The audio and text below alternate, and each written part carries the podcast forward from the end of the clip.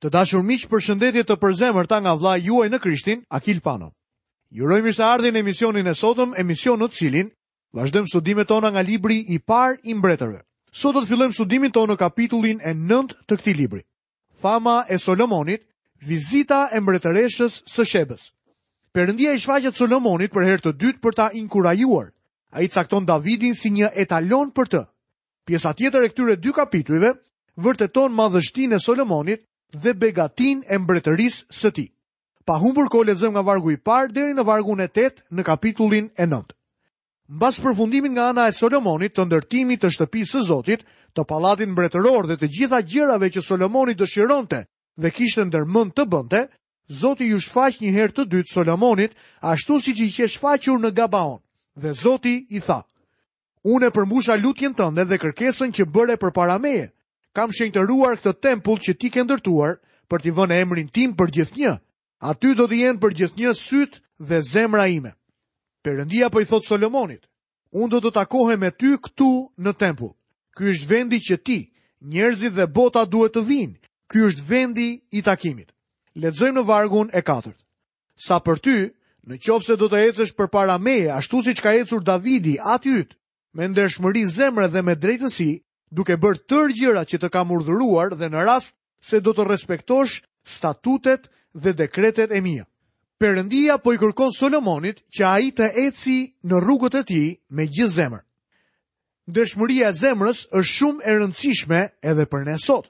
Shumë njerëz sot nuk janë të interesuar për fjalën e Zotit.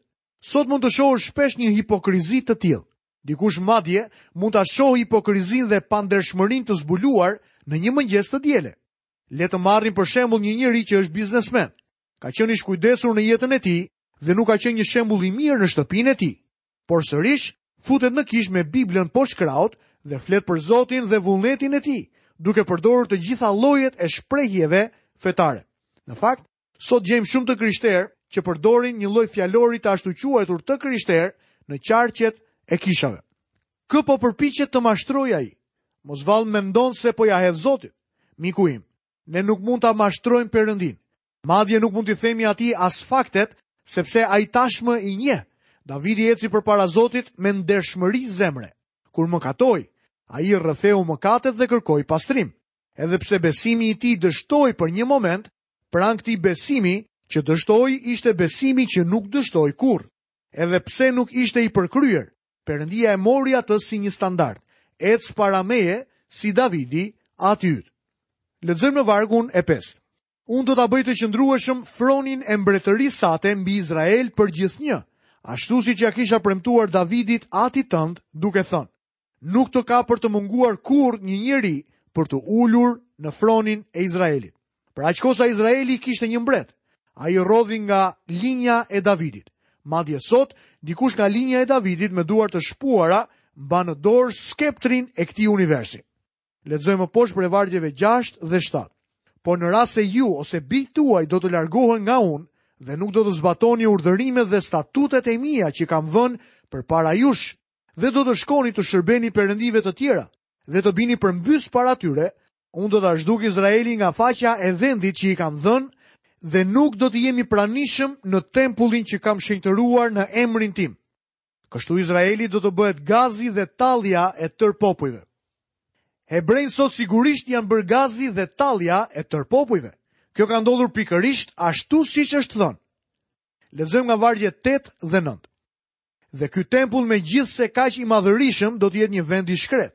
Kushdo që do t'i kalojë afër do të mbetet i habitur dhe do të fërshëllejë dhe ka për të thënë, pse Zoti e ka trajtuar kështu këtë vend dhe këtë tempull. Atëherë do t'i përgjigjen, sepse kanë braktisur Zotin Perëndinë e tyre që i nxori etërit e tyre nga vendi i Egjiptit dhe janë dhënë pas perëndive të tjera. Janë përkulur përpara tyre dhe u kanë shërbyer, për këtë arsye Zoti ka sjellë mbi ta tërë këtë fatkeqësi. Edhe kjo ka ndodhur fjalë për fjalë. Nëse do të shkosh tek vendi ku dikur ka qenë tempulli, do të shohësh se është shkatërruar. Në atë vend tani qëndron xhamia e Omarit. Pse ndodhet Izraeli në këtë gjendje? Pse ndodhet kjo xhami atje? Izraeli ka braktisur Zotin, miqtë e mi. Kjo është përgjigja. Tani do të shohim se Solomoni dhe Hirami patën një mosmarrëveshje të vogël. Lexojmë vargjet 10 deri 12. 20 vjet pasi Solomoni kishte ndërtuar dy ndërtesat, shtëpinë e Zotit dhe pallatin mbretëror, Hirami, mbreti i Tiros e kishte furnizuar Solomonin me gjithë drurin e kedrit dhe të qiparisit dhe me arin që dëshironte. Mbreti Solomon i dha Hiramit 20 qytete në vendin e Galilesë.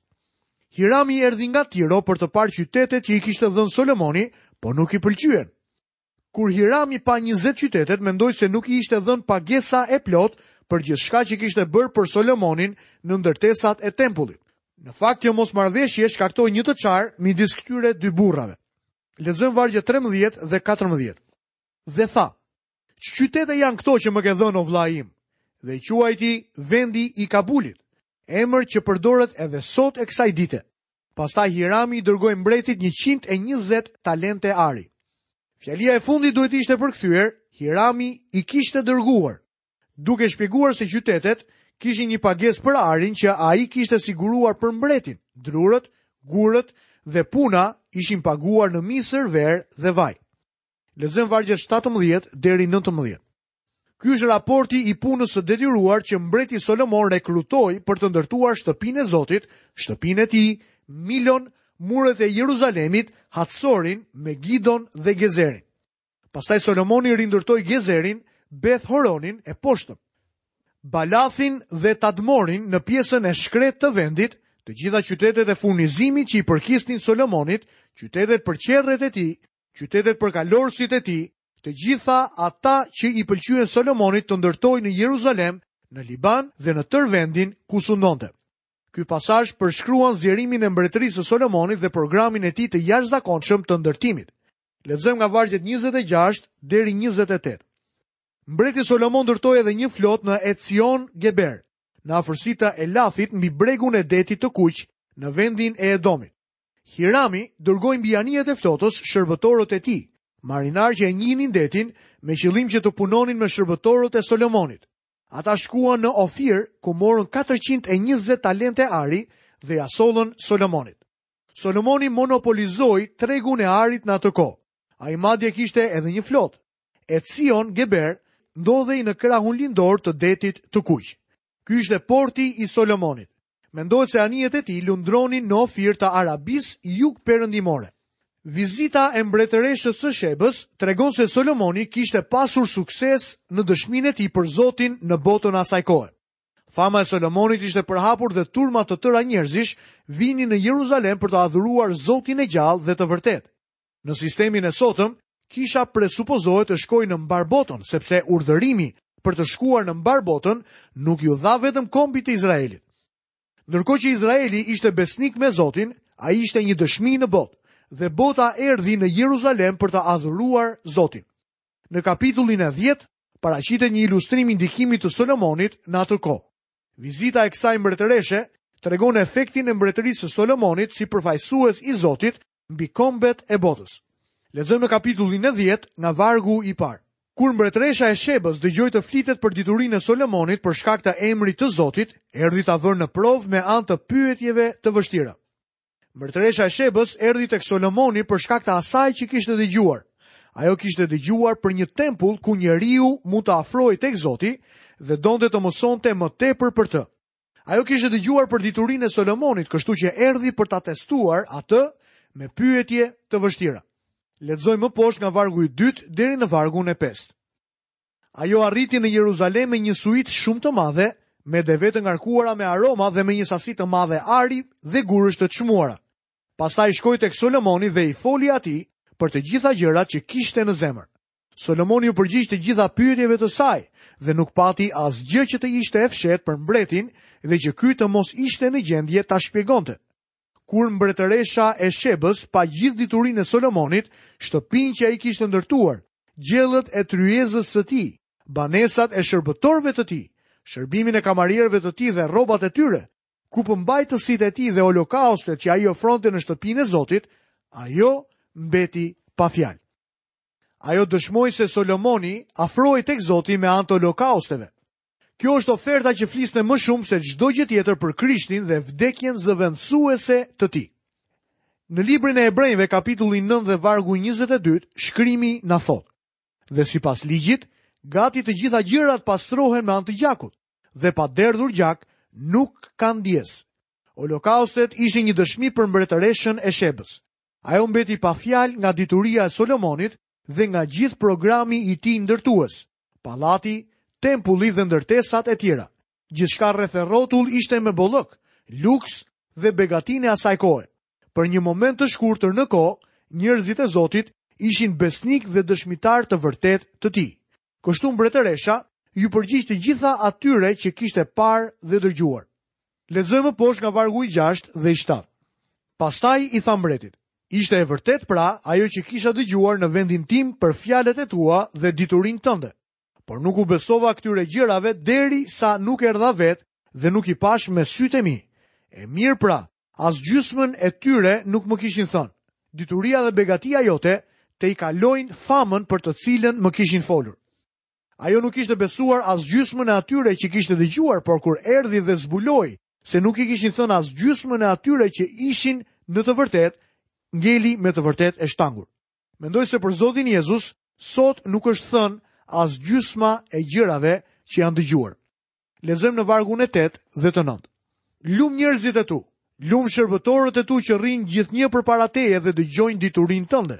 Qoftë i bekuar Zoti Perëndia yt që pati mirësinë të të vërë mbi fronin e Izraelit. Për shkak të dashurisë së tij të përjetshme për Izraelin, Zoti të ka vënë mbret për të ushtruar arsyen dhe drejtësinë. Kjo është dëshmia e saj dhe unë mendoj se zbulon se ajo kishte ardhur në njohjen e Zotit të gjallë dhe të vërtetë. Lexojmë nga vargu i 10. Pastaj ajo i fali mbretit 120 talente ari dhe një sasi të madhe aromash dhe gurësh të çmuar. nuk u çuan më aq aroma sa i dha mbretëresha Sheba mbretit Solomon. Lexojmë poshtë vargun e 11 dhe të 12. Flota e Hiramit që transporton flori nga Ofiri, solli që andej një sasi të madhe druri santali dhe gurësh të çmuar. Me drurin e santalit mbreti bëri mbështetëse për shtëpinë e Perëndisë dhe për pallatin mbretëror, si dhe qeste dhe harpa për këngëtarët. Dru Santali nuk sollën më dhe nuk është parë më deri më sot. Hirami ishte mbreti i Tiros i Fenikasve që ishin lundërtarë. Këtu shohim se Solomoni vazhdoi programin e tij të ndërtimeve. Ai bëri mbështetëse për shtëpinë e Perëndisë, për pallatin mbretëror, si dhe qeste dhe harpa për këngëtarët. Lexojmë vargun e 13. Mbreti Solomon i dha mbretëreshës Sheba të gjitha gjërat që ajo i kërkoi përveç këtyre. Solomoni i dha asaj shumë gjëra me bujarinë e tij të madhe mbretërore. Pastaj ajo mori përsëri rrugën dhe u kthye në vendin e saj bashkë me shërbëtorët e vet. Historia e mbretëreshës Sheba është një shembull i shumë njerëzve që njohën Zotin në këtë kohë. Në mënyrë të ngjashme, libri i veprave regjistron vetëm disa konvertime si ai i eunukut etiopas, Saulit nga Tarsi dhe Kornelit, Por ne e dim që me mijëra njerëz erdhën te Krishti gjatë asaj periudhe. Po kështu me mijëra njerëz arritën të njohin Zotin nëpërmjet tempullit në Jeruzalem dhe dëshmisë së njerëzve në kohën e Solomonit. Tani na thuhet diçka për arin që erdhi tek Solomoni. Lexojmë nga vargjet 14 deri 16. Pesha e arit që Solomoni merrte çdo vit ishte 666 talenta ari. Përveç atij që vinte nga tregtarët, nga lëvizja e mallrave, nga gjithë mbretërit e Arabisë dhe nga qeveritarët e vendit, mbreti Solomon dha urdhër të përgatiteshin 200 mburoja të mëdha me flori të rrahur, duke përdorur për secilin prej tyre 600 sikla ari. Nuk mund ta kuptoj dot se sa shumë ar merrte Solomoni çdo vit. Ai thjesht kishte pushtuar tregun e arit në atë kohë. Mbretëria kishte arritur kulmin e saj. Në fakt, Davidi e solli në këtë gjendje, por Solomoni ishte personi që po e shijonte paqen, bollëkun dhe begatinë. Lexojmë më poshtë në vargun e 22. Në fakt, mbreti kishte në det flotën e Tarshishit bashkë me flotën e Hiramit, çdo 3 vjet flota e Tarshishit sillte ar, argjend, fildish, majmunë dhe pallonj. Të gjitha këto janë artikuj luksi. Majmunë për zbavitje, ata i përkisnin kopshtit zoologjik të Solomonit, pallonj për bukuri, ar, argjend dhe fildish për dekorime madhështore. Këtu jepet një notë mendjelehtësie dhe tragjike që tregon për gjendjen e mbretërisë së Solomonit. Ai ishte thirrur që t'i jepte një dëshmi botës, Bota po vinte në derën e tij, por çfarë po bënte ai? Ai i harxhonte kohën dhe energjitë e tij me majmunë dhe pallonj, thjesht për të kënaqur kapriçot e tij. Lexojmë vargjet 23 dhe 24. Kështu mbreti Solomon ua kaloi në pasuri dhe dituri tërë mbretërve të tokës. Dhe tërë bota kërkonte praninë e Solomonit për të dëgjuar diturinë që Perëndia kishte vënë në zemrën e tij. Pikërisht gjatë kësaj periudhe, mbretëria arriti kulmin e saj dhe ajo karakterizohej nga një dëshmi shumë besnike. Ne e pamë atë të ilustruar në jetën e mbretëreshës së Shebës dhe tani na thuhet se edhe shumë të tjerë erdhën në Jeruzalem. Botës po i jepej një dëshmi e fortë nga Solomoni, një dëshmi për Perëndinë. Lexojmë në vargun e 25. Dhe secili sillte dhuratën e tij, enë argjendi, enë ari, veshje, aroma, kuaj dhe mushka, një farë sasie çdo vit. Në fakt dhuratat që sillin këta vizitorë e aftësuan Solomonin të ndërtonte një mbretëri që binte në sy për pasuritë e saj. Më vonë kur mbretëria u dobësua dhe u nda, kjo e bëri Izraelin subjektin e talljeve nga kombet e tjera. Lexojmë më poshtë vargun e 26. Solomoni grumbulloi qerre dhe kalorës. Ai pati 1400 qerre dhe 12000 kalorës që i ndau nëpër qytetet sipas qerreve dhe në Jeruzalem afër tij. Ndërkohë që Solomoni grumbulloi kuaj dhe kalorës, ai zgjeroi një departament që Zoti e kishte ndaluar ta zgjeronte. Pistat moderne të vrapimit të kuajve sot po dukeshin si hangarët e një fermeri të madh. Lexojmë vargjet 27 deri në vargun e 29. Përveç kësaj mbreti në Jeruzalem e bëri argjendin të rëndomtë si gurët dhe i bëri kedrat të shumtë si fiku egjiptian i fushës. Kuajt e Solomonit importoheshin nga Egjipti dhe nga Kue. Tregtarët e mbretit shkonin e i merrnin në Kue me një çmim të caktuar. Një qerre importohej nga Egjipti për 600 sikla argjendi dhe një kalë 150.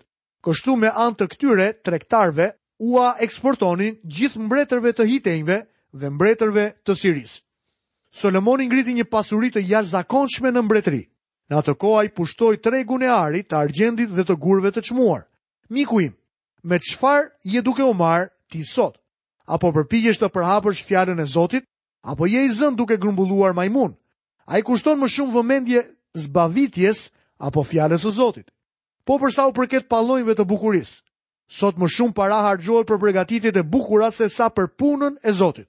Po përsa u përket arit, argjendit dhe gurëve të çmuar, a je aq i zënë duke grumbulluar para saqë nuk ke kohë për Zotin, o miku im, ne jemi thirrur për t'i dëshmuar botës. Perëndia pastë mëshirë për ne, nëse jepemi pas majmunëve dhe pallonjve, o sa gjëra të pavlera që janë. Të dashur miq, këtu kemi mbërritur në fundin e emisionit të sotëm. Nga vëllai juaj në Krishtin Akil Pano, paçi të gjitha bekimet e Perëndisë dhe paqen e tij në jetën tuaj. Bashkë mirudëgjofshim në emisionin e ardhshëm.